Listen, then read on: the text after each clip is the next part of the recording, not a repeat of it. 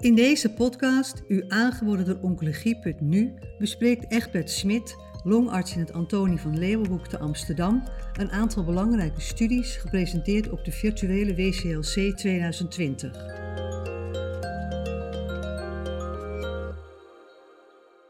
De uh, belangrijkste resultaten die, naar mijn idee, de belangrijkste resultaten die gepresenteerd zijn tijdens het Wereld Longkankercongres 2020 in Singapore, weliswaar januari 2021 gehouden.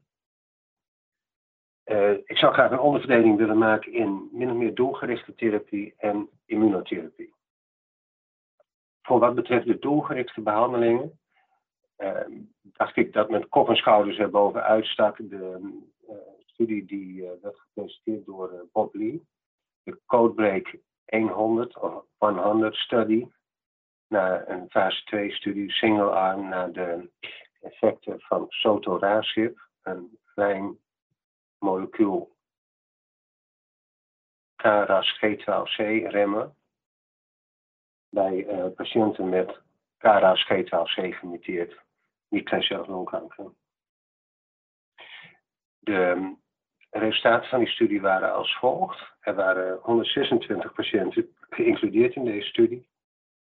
En van die 126% hadden uh, eh, 37% een partiële remissie of beter. Ik denk wat ook heel erg belangrijk is, is dat van die 126 patiënten slechts um, 20, 16% progressieve ziekte had als beste uitkomst. Dat wil zeggen dat bij de eerste responsevaluatie er sprake was van progressie. En de rest die had dus allemaal stabiele ziekte of beter. Ook bemoedigend was dat uh, de uh, toxiciteit, zoals die gevonden was in de fase 1-studie, eigenlijk werd gerepliceerd in deze fase 2-studie, in een grotere groep patiënten dus. De belangrijkste vorm van toxiciteit waar patiënten last van hebben is diarree. En graad 3 diarree kwam voor in slechts 4% van de patiënten, ondanks dosisreductie en supportive care uh, medicaties, zoals loperamide. En de overige toxiciteit uh, bevond zich vooral op het gebied van laboratoriumuitslagen. dus al met al een behandeling die heel goed geto getolereerd werd. Um, en die een hoog responspercentage had met een uiteindelijk een mediaan progressief vrije overleving van bijna 7 maanden en een overall survival van ongeveer 10 maanden. Met andere woorden, de bevindingen van de fase 1-studie, het longkankercohort, werden hier eigenlijk uh, gereduceerd. Bevestigd.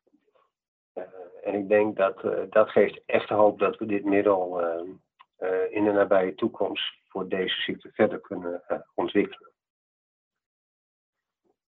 Twee andere belangrijke doelgerichte, op het gebied van doelgerichte therapie uh, was op het gebied van de HGV-gemuteerde longkanker, die na een operatie uh, voor twee jaar lang uh, osimertinib kreeg, of drie jaar lang osimertinib kreeg, de Audora-studie. Audora-studie, sorry. Um, de resultaten daarvan die zijn al gepresenteerd op, op ESCO en ESMO. Er is een immens verschil in progressievrije overleving met een hersenratio van ongeveer 0,2 wanneer patiënten uh, na een complete resectie, al dan niet met postoperatieve chemotherapie, randomiseert tussen osimertinib of uh, placebo. We weten dat dat verschil zich ook en vooral in de hersenen afspeelt, in het centraal zenuwstelsel. De recurrence rate in het centraal zenuwstelsel is enorm veel lager met osimertinib als met uh, placebo. Een belangrijk aspect van deze studie was dat, uh, ja, wat, hoe vinden patiënten dat eigenlijk? Dus patient-reported outcomes, de kwaliteit van leven, erg belangrijk, werd gepresenteerd op, uh, op het Wereldlongkankercongres. En daardoor bleek dat er geen verschil was in kwaliteit van leven tussen patiënten die behandeld werden met osimertinib vergeleken met placebo. Nou, ik denk, een opvallende bevinding. Enerzijds omdat uh, ja, het aantoont dat osimertinib, de, de bijwerkingen daarvan, weinig impact hebben op de kwaliteit van leven. Maar ten tweede vroeg ik me ook af, toen ik dit allemaal hoorde, is het dan zo dat terugkeer van de kanker geen impact heeft op de kwaliteit van leven? Nou, dat soort analyses werden niet uh, uh, getoond. Moeilijk om in discussie te treden tijdens zo'n virtueel congres. Dus daar ben ik heel erg benieuwd naar de, naar de uiteindelijke publicatie over wat daarover gezegd wordt. Hoe, hoe is het eigenlijk allemaal precies gemeten? En um, is er ook doorgemeten wanneer er sprake was van een recidief van de kanker? Een tweede belangrijk issue bij dit uh, onderzoek was, uh, uh, bleek dat ongeveer 40% van de patiënten die een complete resectie hadden ondergaan, dat die geen postoperatieve chemotherapie hadden gehad. De standaard van behandeling. Dus de standaard van behandeling na een resectie is adjuvant chemotherapie. Nou, 40% hadden het niet gehad. Is het dan zo dat bij die 40% het effect van uh, adjuvant osimertinib even groot is als bij die patiënten die wel adjuvante behandeling hebben gehad. En de achterliggende vraag wat mij betreft daarbij is, ja, als daar geen verschil is, wat is dan de zin van die adjuvante chemotherapie bij deze patiënt? Nou, het antwoord op, op die vraag was, de hersenratio is voor patiënten die adjuvante chemotherapie hebben gehad en geen adjuvante chemotherapie hebben gehad, exact hetzelfde. Met andere woorden, het uh, positieve effect, reductie in terugkeer van de kanker is even groot in, in of je nou wel of geen chemotherapie hebt gehad tevoren. Lijkt me ook een bevinding die nader onderzoek uh, behoeft in, uh, in de nabije toekomst. En misschien ook wel voor patiënten met andere vormen van druivenmutatie of andere druivenmutaties. Um, een speciale club uh, uh, patiënten met um, EGFR-mutaties betrof de mensen die behandeld werden voor een EGFR exon 20 insertiemutatie. Daar werden twee studies getoond, ook al data die we eigenlijk uh, in een wat andere vorm op ASCO ook hadden gezien.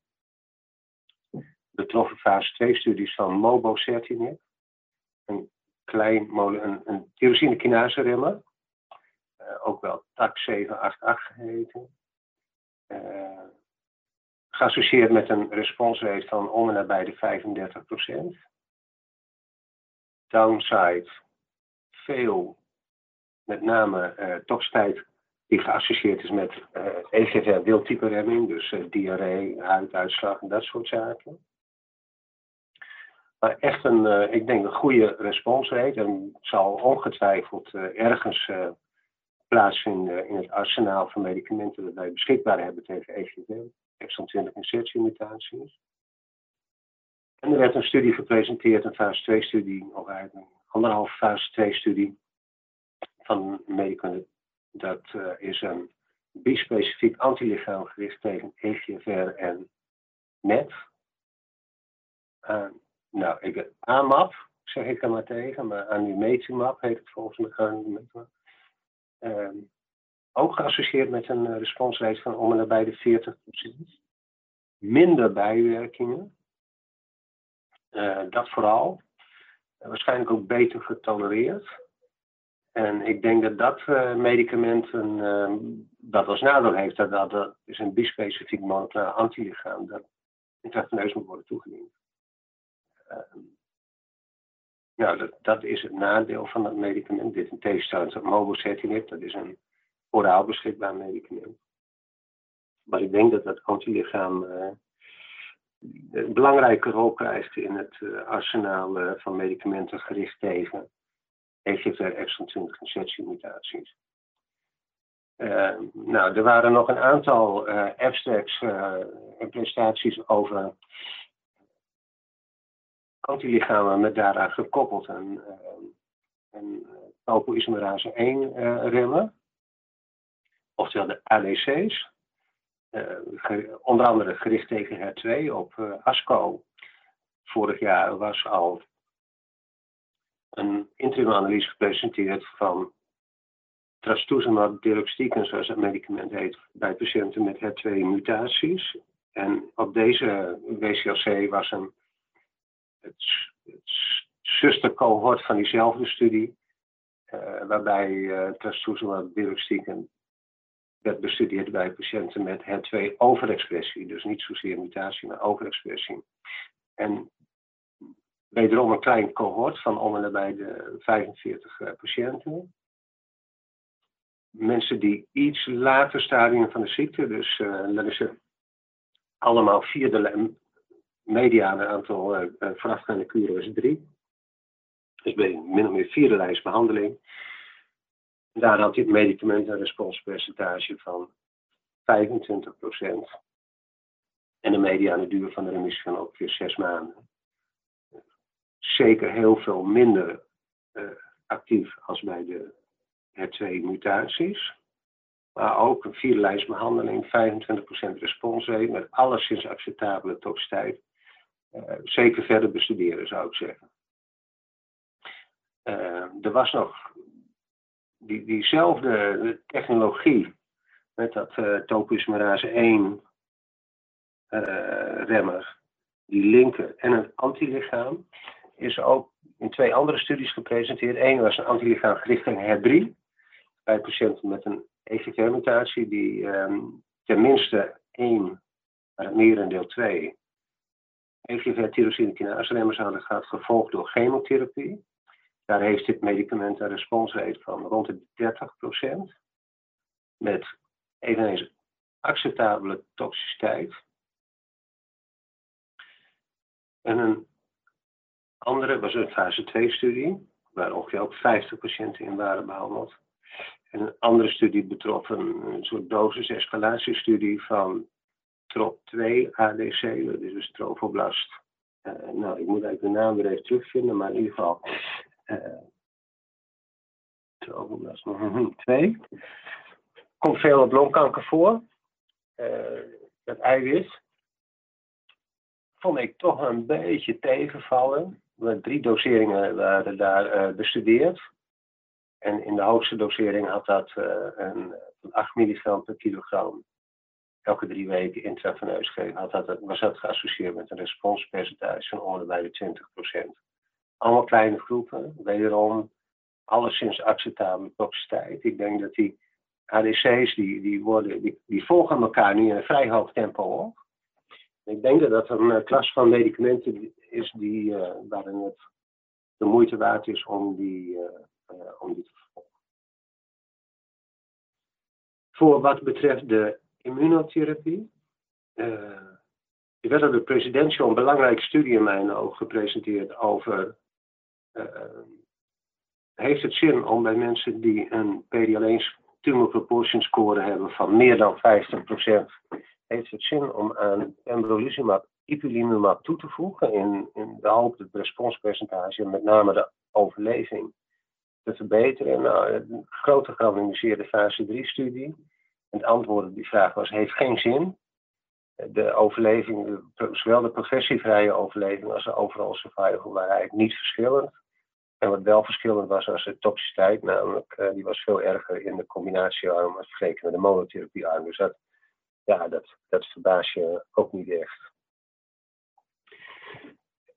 Ik denk een, uh, een onderzoek wat uh,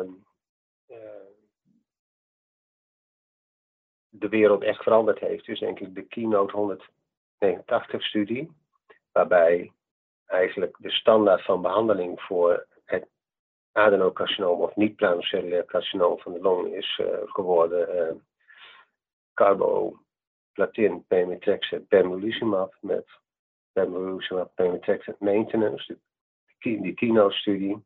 Die liet haar lange termijn resultaten zien, drie jaar overlevingscijfers. Uh,